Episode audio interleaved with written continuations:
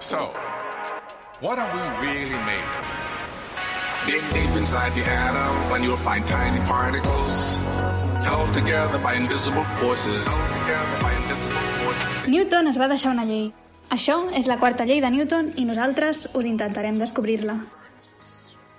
Aquest mes fa 90 anys que va morir Alfred Wegener, quan tornava cap al camp base d'una expedició per Groenlàndia. Un meteoròleg i investigador alemany que va tenir una genial ocurrència. Es va donar que els continents de la Terra encaixaven com un puzzle. D'aquí va construir la teoria de la deriva dels continents, sobre el desplaçament de les masses continentals. Una teoria que afirmava que fa 250 milions d'anys els continents estaven units en un supercontinent anomenat Pangea. Tot i que us pugui semblar una idea elemental, un trencaclosques que un nen que sàpiga fer puzzles de 5 peces podria haver resolt, la teoria no va ser acceptada per la comunitat científica fins després de la seva mort. A qui segurament li passarà una cosa semblant és a un dels pseudocientífics dels qui parlarem avui, el científic català més universal, un home amb H índex amb valor absolut superior a Oriol Mitjà, una persona que, com Joan Herrera quan anava en bicicleta al Parlament, és un avançat al seu temps. Un científic, entre moltes cometes, a qui la comunitat segurament no acceptarà mai les seves tesis, i esperem que no ho faci mai, tampoc. Però abans d'això, ens posarem a examen i parlarem de com afrontar els problemes. I després de parlar, com dèiem, del xaman de la família Pàmies, acabarem descobrint, ara sí, de veritat, la vida d'un dels grans científics de la història de la ciència. Una dona que ho va ser tot, física, matemàtica i astrònoma, i que potser per això, per ser tan pionera, va acabar tan malament. Pau, Miquel, Gerard, benvinguts.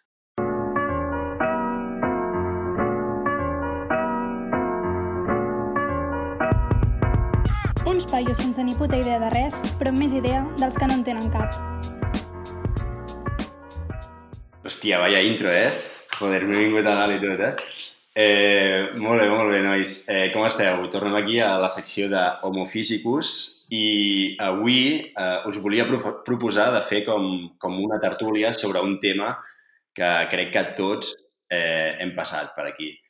I aquest tema és, eh, com bé ha dit el Guillem, els exàmens.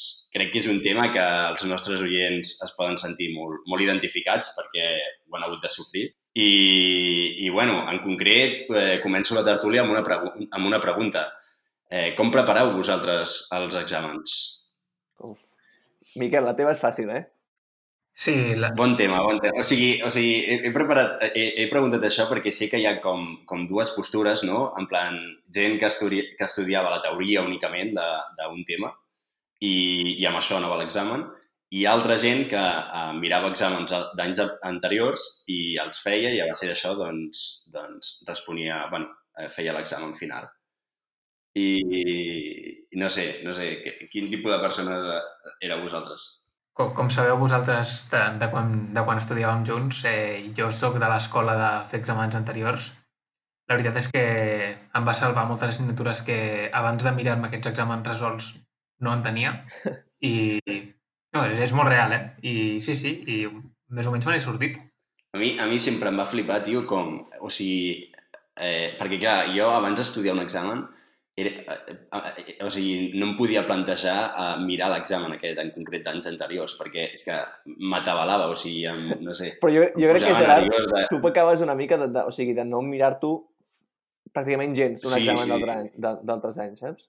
No sé. Però jo ho entenc, això, jo, jo ho entenc, això, perquè en un sentit estàs esbiaixat, Gerard. Si veus un examen i eh, veus les preguntes que encara d'un tema que no has cobert Aleshores no. dius, ostres, eh, m'he de mirar això per saber com es respon a aquesta pregunta. Però, bueno, un, seguint una mica també el, el que deies tu, eh, jo crec que el meu modus operandi no s'adequa a cap de les dues. Jo diria que una setmana abans de l'examen pensava que tenia temps, fins que queden dos o tres dies. Aleshores em, em, em començo a estressar i dic, hòstia, hòstia, hòstia, hi ha moltes coses. Aleshores, jo crec que estudiava i feia exàmens alhora fins que feia el, el que el temps em donava. Aleshores, anava a l'examen resant a veure que si tenia sort o no. Jo també era dels que l'últim que feia era mirar-me els exàmens, però ho acostumava a fer una mica abans que tu, crec, Gerard. I, i, i això. També una, una cosa, respecte a com estudiar, també és després la manera com afrontar les preguntes d'un examen, no? Perquè, o sigui, si tu estudies fent exàmens, després quan vas a l'examen el primer que busques és, uah, vaig a fer l'analogia, aquest problema es pot resoldre així, vinga. I si et trobes un problema que no has fet mai, tens més, o sigui, és més, és més xungo. o sigui, a mi el, el, el principal problema és això, de que si veia un examen, el meu estudi era totalment sesgat a... Eh, a, a Esbiaixat. esbiaixat a, perdó, esbiaixat a, a, amb el que havia vist en aquest examen, saps? I tot passava a ser secundari. Però és una mica arriscat si eh, només et poses a fer exàmens d'anys anteriors. En el, que, en el moment en què canviïn una mica un examen, aleshores estàs bastant fotut, no? Si no... Sí, sí, jo, jo, jo, jo algun examen l'he pringat, per això està clar. Però, bueno, sí, sí, sí que és cert que després, eh, si apliques la fórmula del Guillem, està guai perquè quan comences a fer exàmens li pots preguntar al teu amic Miquel que, que què tal els exàmens perquè ell, ja- ell ja els ha fet. Un moment, Miquel, i, si- i si no hi havia les solucions dels exàmens, què? Rotllo, Ja, ja et mories, no? Ja. Sí, sí, sí. Però, sí. Fer mails als profes... eh, A, a, a plorar els progrés. Escolta, dona'm les solucions, por fi. No, aleshores es, es posava en contacte amb el Guillem i conjuntament enviaven e-mails Exacte. per separat amb diversos comptes de, de Google als professors per posar pressió de que pengessin les, les, les solucions als... als ta també et dic una cosa, que per, per molt, o sigui, si estudies en exàmens passats, vull dir, tens el cul salvat seguríssim. O sigui, això de preguntes difícils és només per treure bona nota. Si vols treure un 5 no cal ni mirar-te res, fas els exàmens d'altres anys i segur que acabaràs traient el 5 fàcilment. Vull dir, Sí, sí, sí. De fet, recordo que el, el de termodinàmica, o sigui, crec que és l'únic examen on han posat preguntes d'altres anys. I aleshores, o sigui, era molt evident de que si havies mirat, eh, o sigui, si coneixies el problema, el sabies fer, saps? Això, això, no, això ens va passar en un test en, eh, de, de, de numèric, a primer. Ah, bueno, sí. sí que repetíem preguntes. Hòstia, sí, sí, sí, sí, sí. Sí, sí, sí. Hòstia, sí, sí. Que va ser el, dels primers parcials que vaig fer, crec, i, i clar, eren preguntes d'altres anys. O sigui, si ja les tenies resoltes, doncs ja està. I crec que no tothom se'n va donar d'això. Bueno, no, no és que les tinguessis resoltes, és que era, era un tipus test, aleshores no cal saber-les resoldre, és, és saber la solució i ja està. No Sí, sí, sí, sí, però, però crec, que, crec que no estaven les solucions i aleshores eh, havies de tu a casa resoldre, o sigui, saber quina era la, la resposta correcta. No estaven? Aleshores, crec, crec que no, crec que no, no, Guillem? no, no, no em sona. no, no. És que els exàmens tipus test són molt putos, eh? Perquè et posen cada una de les variacions de les respostes és... Jo crec que agafen aposta i diuen, vale, l'estudiant en aquest pas d'aquí s'equivocarà. I posen la resposta que haguessis fet si en aquell moment haguessis seguit Exacte. el camí que et porta a equivocar-te. Sí, sí, sí, sí, exacte. O sigui, érem, érem molt, molt cabrons. O sigui, diuen que industrials és xungo per això, pels exàmens tipus test, que són una merda. O sigui, que no és difícil, però Ah, els exàmens tipus test són molt cabrons i, i llavors és molt difícil treure bona nota. Vull dir, conec gent que ha deixat industrials uh, i s'ha anat a una altra carrera per això, a fer mates per això. Clar, és que l'altra cosa és que vols comentar test... raja d'Indus tant d'hora, Guillem? No, encara no, perdó. Encara no, vale.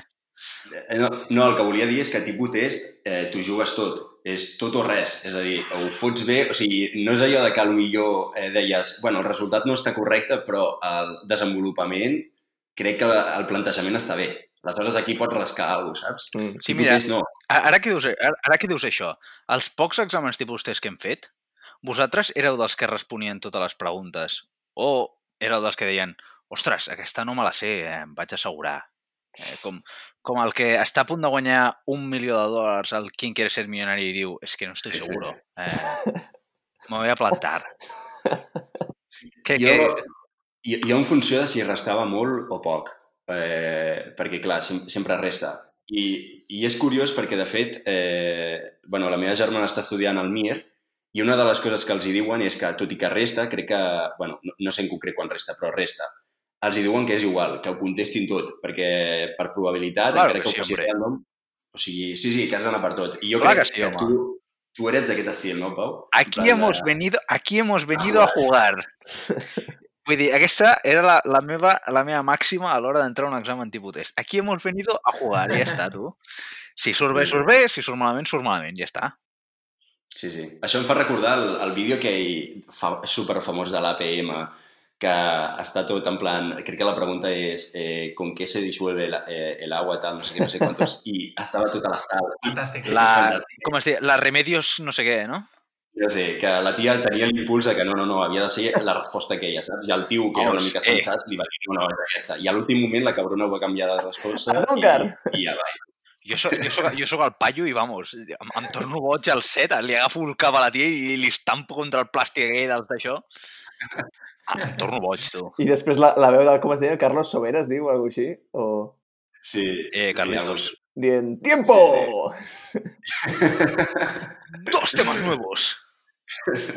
bueno, nois, eh, seguint una mica a- amb aquesta d'allò, recordeu alguna, algun examen en concret que patíssiu molt o, o no sé, que fos especialment dur? Per exemple, jo recordo un dels parcials que vaig fer d'electromagnetisme que va durar com 6 hores perquè uh, un dels professors que, que ens donava, o sigui, era completament, o sigui, ens donava tot el temps del món i recordo que vaig estar com 6 hores eh, fent l'examen. A més, després vaig sortir de l'examen, estava diluviant fora, o sigui, estava plovent moltíssim. Vaig arribar a casa mullat, amb el cap patat, o sigui, molt dur, tio. Quin dia més dur, eh, Gerard? Sí, sí, molt dur. De fet, els dies, els dies d'examen, eh, vosaltres com afrontàveu la pressió? O sigui, teníeu pressió? Perquè jo, jo anava cagadíssim. O sigui, això de que, de que havia de pensar en un examen, és a dir, de que no em pullava i, i, i o sigui, això de que havia de pensar realment m'angoixava moltíssim. Home, sempre hi ha pressió en un examen. Vull dir, sobretot si és un final.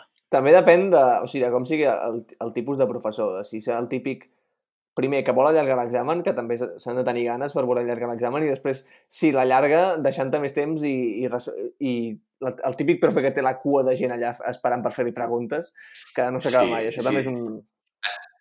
Aquesta és una altra pregunta, que hi ha com diversos tipus de professors, no? Aquells que, que vas allà a preguntar en plan això, tal, no sé què, no sé quantos, i et donava pistes, o després hi havia els altres professors que, que vamos, t'enviaven a la merda. O sigui, que, que era exagerat. I en concret eh, hi havia un de probabilitat que, que això, de que a la que anaves a preguntar t'enviava a la merda directament. O sigui, no volia res, saber eh, res de tu.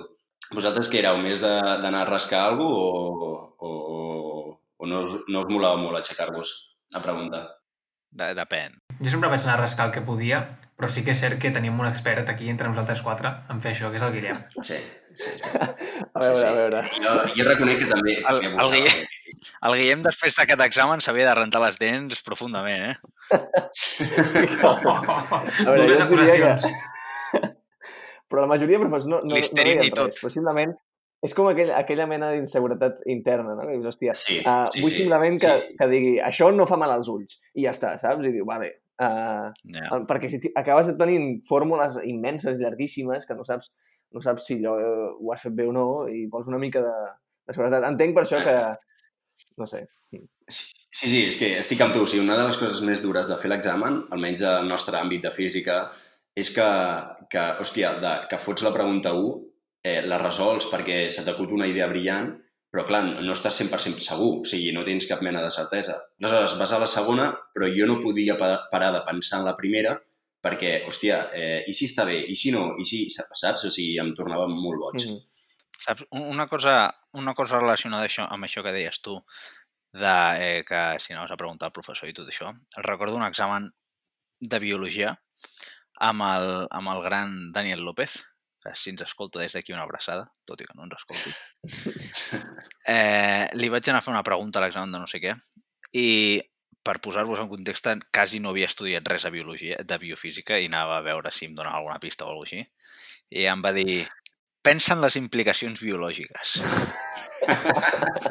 Aleshores, li vaig fer una cara rara i, i, i suposo que, que el tio em va veure i, i bueno, torna al teu lloc.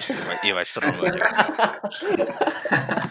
Total, que no vaig, no vaig pensar en les implicacions biològiques i vaig dir, bueno, aquest problema, a veure si la verge se m'apareix. Molt bé, nois. Miquel, de qui parlarem avui? Eh, avui tindrem el gust de parlar d'una de les personalitats més mm, controvertides, diria.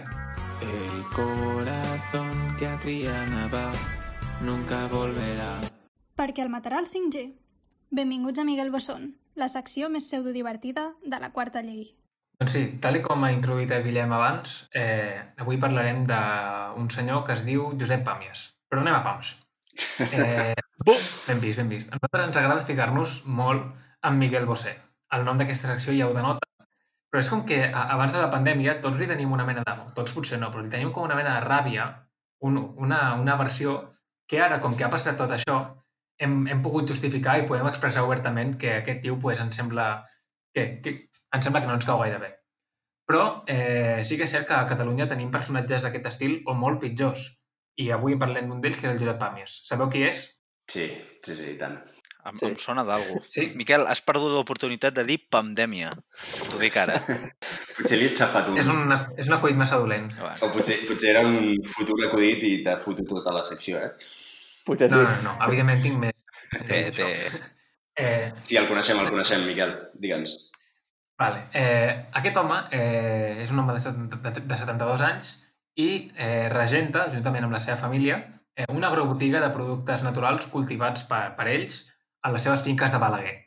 Fins aquí tot normal, però la seva forma de presentar-se a la seva web eh, denota el nivell d'aquest tipus. Diu així, la família Pàmies, des de sempre, ha tocat la terra i d'ella ha intentat treure el millor de la relació entre Gaia i els fluxos còsmics, el sol, l'aigua amb l'alquímia de la vida en el sol. Hòstia, un, ma... un macaco, eh? Sí, senyors. Sí, senyores, estem davant d'un magufo. un curandero, podríem dir. Però per sobre de tot, davant d'un problema per la salut Un pública. magufo. Però eh, ara, ara ho atacarem. Em, aquest home eh, fa moltes xerrades, eh, molts actes, té molts llibres i eh, la seva frase més repetida és que existeixen milers i milers de cures i remeis naturals eh, per totes les malalties que es pugui imaginar, fins i tot les que fins ara eh, són incurables.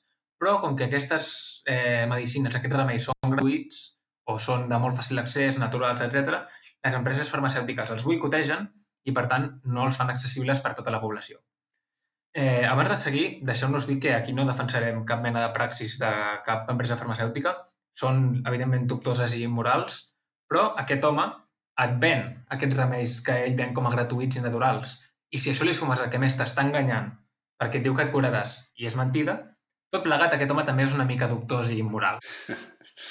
És, és, és collonut, eh? Capitalisme eh, en contra del capitalisme, però fent diners a partir d'allò, eh? Hòstia puta.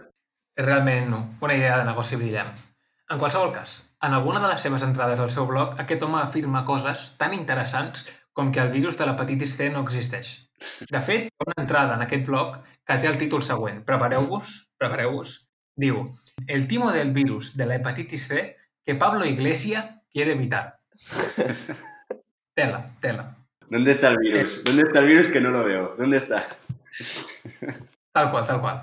Eh, és curiós com du- durant aquesta entrada a parts iguals afirma que aquest virus no existeix, però mm, a parts iguals també parla de com eh, alguns medicaments, remeis que han estat estudiats tenen efecte eh, sobre el virus i fan que aquest s'inactivi o es destrueixi. És a dir, eh, ei, el virus no existeix, compra'm aquest medicament que matarà el virus.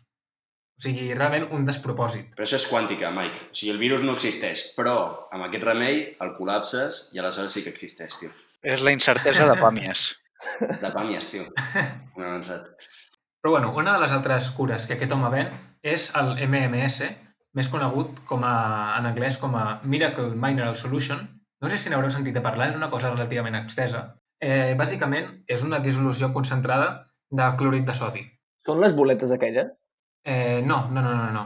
Eh, que, que jo sàpiga, no sóc un expert en aquest tema, però aquestes boletes són un altre tipus de, de medicina alternativa que no... no Homeopatia. Homeopatia. Sí. Eh, això, aquesta dissolució, eh, porta clorit de sodi i el que, es, eh, el que en principi cura d'aquesta solució són els ions clorit. Eh, a vegades també s'anomenen diòxid de clor, tot i que aquesta nomenclatura no és correcta segons la IUPAC, però amb això hem fet el cupo de química per tot l'episodi. Vale? Eh, llavors, eh, aquest, aquesta solució en principi hauria de tenir capacitats per curar la malària, l'èbola i l'autisme. Ojo! Per si les malalties no estaven prou separades, a més hi ha un medicament comú que les pot combatre. Per més Henry, aquest producte ha sigut il·legalitzat a tot Espanya pels seus efectes perjudicials per la salut. Provoca afectacions al sistema renal, entre, entre altres. Però tot i així, hi ha gent que el segueix prenent fins i tot per curar la Covid. De fet, ojo, perquè eh, el col·lectiu Dolça Revolució, que encapçala aquest home, el Josep Pàmies, va fer una quedada aquest juny, amb el desconfinament, eh, amb més de 100 persones, sense mascaretes i sense distàncies ni cap mena de mesura, amb l'objectiu de contagiar-se i així poder curar-se amb els seus remeis naturals i demostrar-ne l'eficàcia. Finalment, però, no va haver cap contagi perquè si no haurien sigut nominats als Darwin Awards. Però aquest tio és un geni, no? El Pàmies aquest és un, és un, és un avançat al seu temps. Vull dir, ha estat capaç de veure que els tontos són els que donen diners. Exacte. No? Exacte. O sigui, a mi em, em sembla sorprenent que aquest tio reunís a 100 persones per, per protestar sobre això. O sigui, em sembla superloco, tio. En un camp de Lleida, eh? Al igual que Apple reuneix a, a, a milions de persones cada any que treu un nou iPhone que és igual que l'anterior amb una càmera una mica millor, doncs aquest tio eh, ven productes que no serveixen per res, no? Tal qual. Eh, bueno, eh, no serveixen de res, depèn del que t'imaginis. Eh, per exemple, un d'aquests productes que no serveix per res, però que ell et ven com si sí, és un article, concretament unes fulles d'una planta que es diu calanchoe. Vale? Aquesta planta, cito textualment la descripció de la web, una alternativa natural que deixa en entredit la quimioteràpia. Vaja. Vale? Per, per la universitat dels meus collons, saps? Bueno, no, a, a, ara anem a això, ara anem a això. Eh, un mòdic preu de 8 euros em separava de tenir a casa meva 450 grams d'aquestes fulles. Tu, tu, un moment, però per 8 euros et compres dues plantes de calanxoa, que està, les venen a tot arreu. Miquel, hauries d'haver fet un unboxing en aquest capítol, tio, ensenyant totes les coses i provant-les i tot i dient mira, això, aquesta nit tindré diarrea amb això. No, no m'he atrevit, principalment no vull donar diners a aquest tipus de conspiracions, eh, però, però hauria sigut divertit, no dubto. En qualsevol cas, eh, l'única seguretat que m'ofereix aquesta botiga eh, online de saber que això em curarà de, del meu tumor o el que sigui que, el que, sigui que m'ha de curar això, eh, és una frase a la descripció de l'article que diu segons estudis realitzats a la Xina, etc etc etc. És a dir, no m'està donant cap referència, cap estudi, res. I nosaltres, com a científics que som, sabem de la importància de referenciar cada afirmació que fem. Hem de dir eh, d'on ho hem extret, quines són les, eh, els estudis que suporten la, no- la nostra afirmació. Així que això directament em fa vergonya, però literalment vergonya. Tot i així, eh, una de les propostes que m'ha semblat més boges, i atenció perquè aquesta crec que no està tan coneguda ni està tan extesa, és la proposta que fa de fer transfusions d'aigua de mar en comptes de sang. Hòstia, Vaya loco. Eh, Tu, que l'aigua de mar cura, com, cura les com, com bé ferides. sabeu, literalment, eh? O sigui, eh, com era jo, que si et ficava una medusa no et podies posar aigua de mar, no? Havies de pixar directament. Com és que fot això de, de les transfusions de- d'aigua salada? O sigui, eh, eh, una cosa evident per, per nosaltres i per qualsevol persona que hagi fet una mica de, de biologia a nivell d'institut sap que eh, si posem aigua directament al nostre rec sanguini, eh, la, per osmosis les nostres cèl·lules s'inflaran massa i acabaran eh, a, eh, explotant, morint, el que sigui. Per tant, clar, si posem aigua de mar, que té una concentració de ions, eh, faria, una concentració de ions més elevada, vull dir, això faria que aquest efecte es compensés i, per tant, eh, no seria tan perjudicial. Eh, és cert que això en, en alguns moments s'havia plantejat, però fa molts anys que no està permès utilitzar aquest tipus de, de sèrum fisiològic i, de fet, el sèrum que s'utilitza eh, comúment no és provinent d'aigua de mar. Tot i així, aquest home assegura que aquestes transfusions tenen propietats antitumorals. Vale? Eh, a més, així, en general, eh? antitumorals, perquè tots els tumors són iguals i tots es curen amb aigua de mar.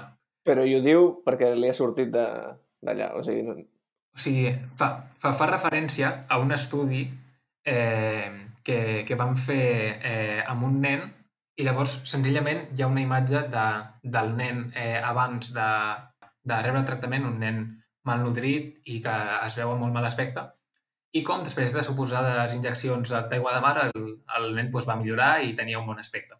Però això és tota la, tota la referència que tenim a la, als seus articles. En qualsevol cas, mm, jo em puc imaginar més o menys com devien anar aquests experiments per tal de demostrar que, que, que l'aigua de mar té propietats antitumorals. Bàsicament, si posem unes quantes cèl·lules, eh, aquestes cancerígenes, eh, en una placa, vale? I les reguem amb aigua de mar, igual que Jean-Claude Juncker rega el seu fetge abans de parlar a les cimeres de l'OTAN, eh, pues, té sentit que veiem que moren. Vull dir, tu li poses aquesta aigua i és una aigua a la que no estan acostumades, el que sigui, i és cert que es Si li moren. fots, si li fots lleixiu també moriran, eh? Llegiu, llegiu, nois. Llegiu molt. és important. Jo, jo crec que, aprofitant que el, que el meu laboratori, eh, on estic fent el doctorat, es treballa amb cèl·lules tumorals, entre altres línies cel·lulars, però es treballa amb cèl·lules tumorals, he decidit que emmarcaré en el meu projecte de doctorat un estudi rigorosíssim on sembraré plaques màtec eh, amb aquestes cèl·lules i procediré a destruir-les a cops de martell. I així demostraré que els martells tenen propietats antitumorals i així demostraré la seva eficàcia. Què us sembla?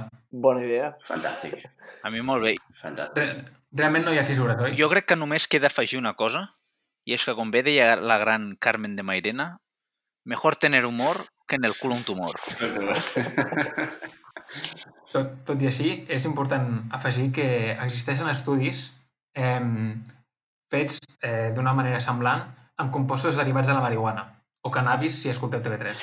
Eh, I sí, evidentment, Pàmies també ven aquests productes derivats de la marihuana a les seves botigues. Així que Home, eh, tenim encara, encara més opcions i més, i més teories no sí, suficientment sí, no. O sigui, algú s'ha de fumar per, per dir tot això. ben vist. També t'he de dir que un dia estaria bé tenir-lo aquí menja. i que es pogués defensar una mica, perquè clar, aquí l'estem atacant i també estaria Sí. bé veure, veure què diu el tio aquest, el paio. Sí, des d'aquí fem, dir? fem una crida a que el convidem a venir a... Potser no fa servir internet, de- perquè diuen això de la correlació entre el 5G i el coronavirus, no? Però...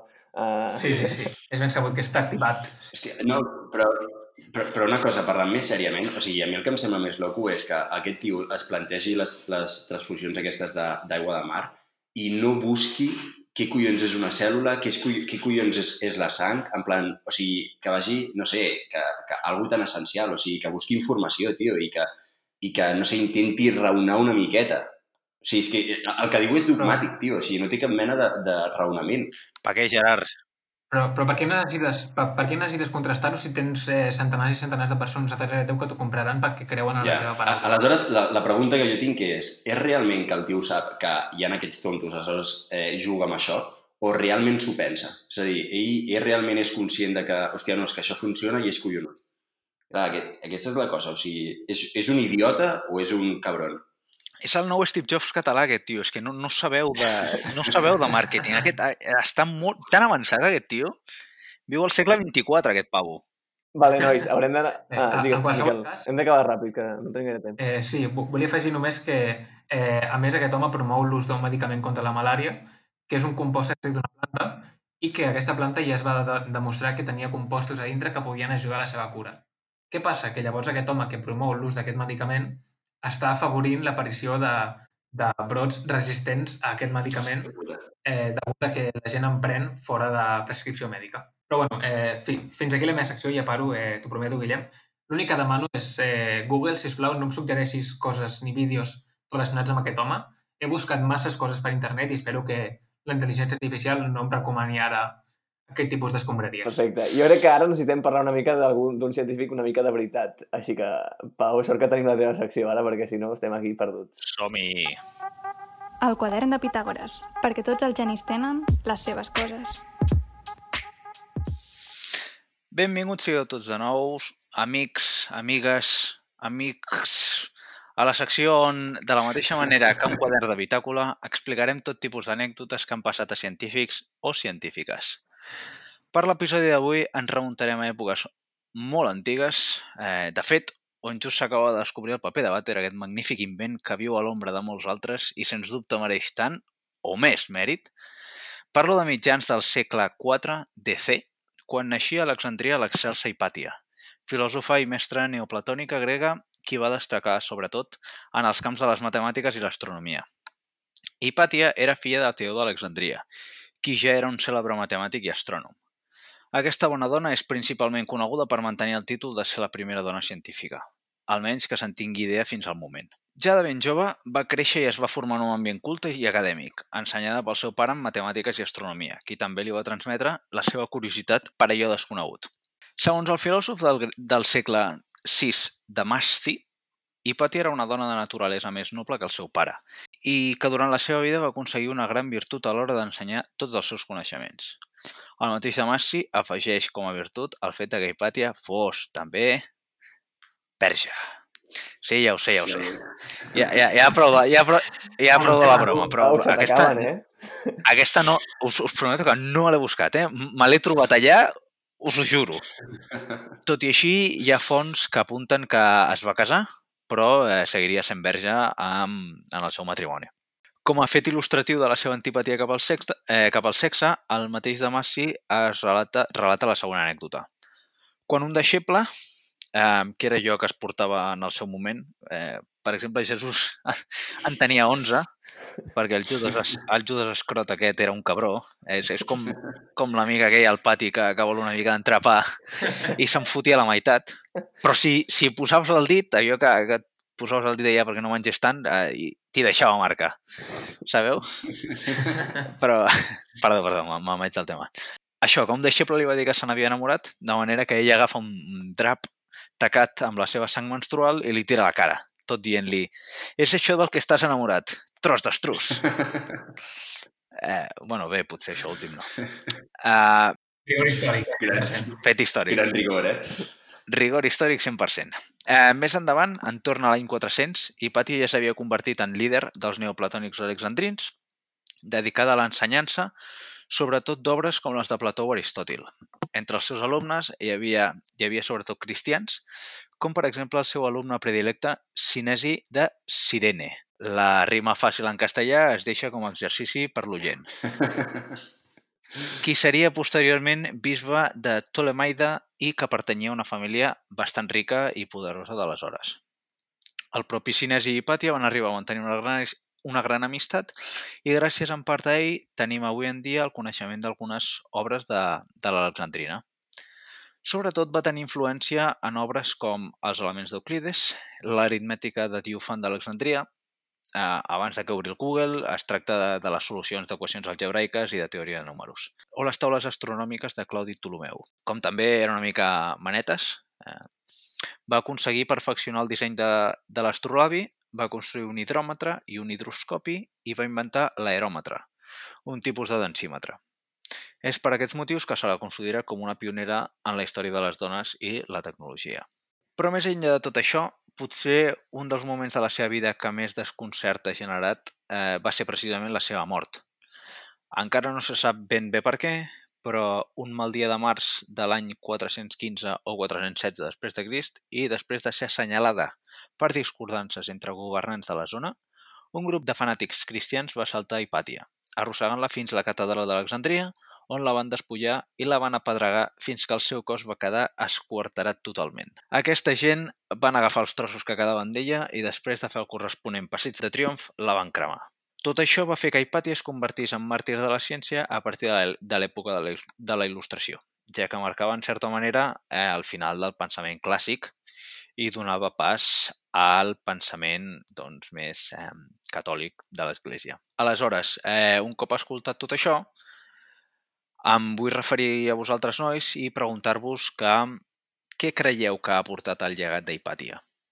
És a dir, a part de ser la primera dona eh, científica, ha donat ales a, a dir les dones estem eh, poc representades en el camp de la ciència. Aleshores, eh, s'ha de fer alguna en aquest sentit. Opinions al respecte?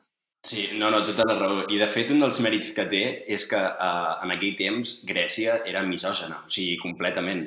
El paper de la dona a la societat, o sigui, per molt que diem, hòstia, Plató, tal, Aristòtil, tot això, eh, el paper de la dona en la societat eh, grega era nul, o sigui que té, té molt. Ara que dius això, un, un petit apunt. Alexandria no és exactament Grècia, està, està situada a Egipte, però en aquells moments era una colònia grega ja molt antiga. Sí, sí, exacte. I bu- buscant per internet, buscava curiositats de la Hipàtia i tot això, i em deia que una curiositat que he trobat era que parlava grec.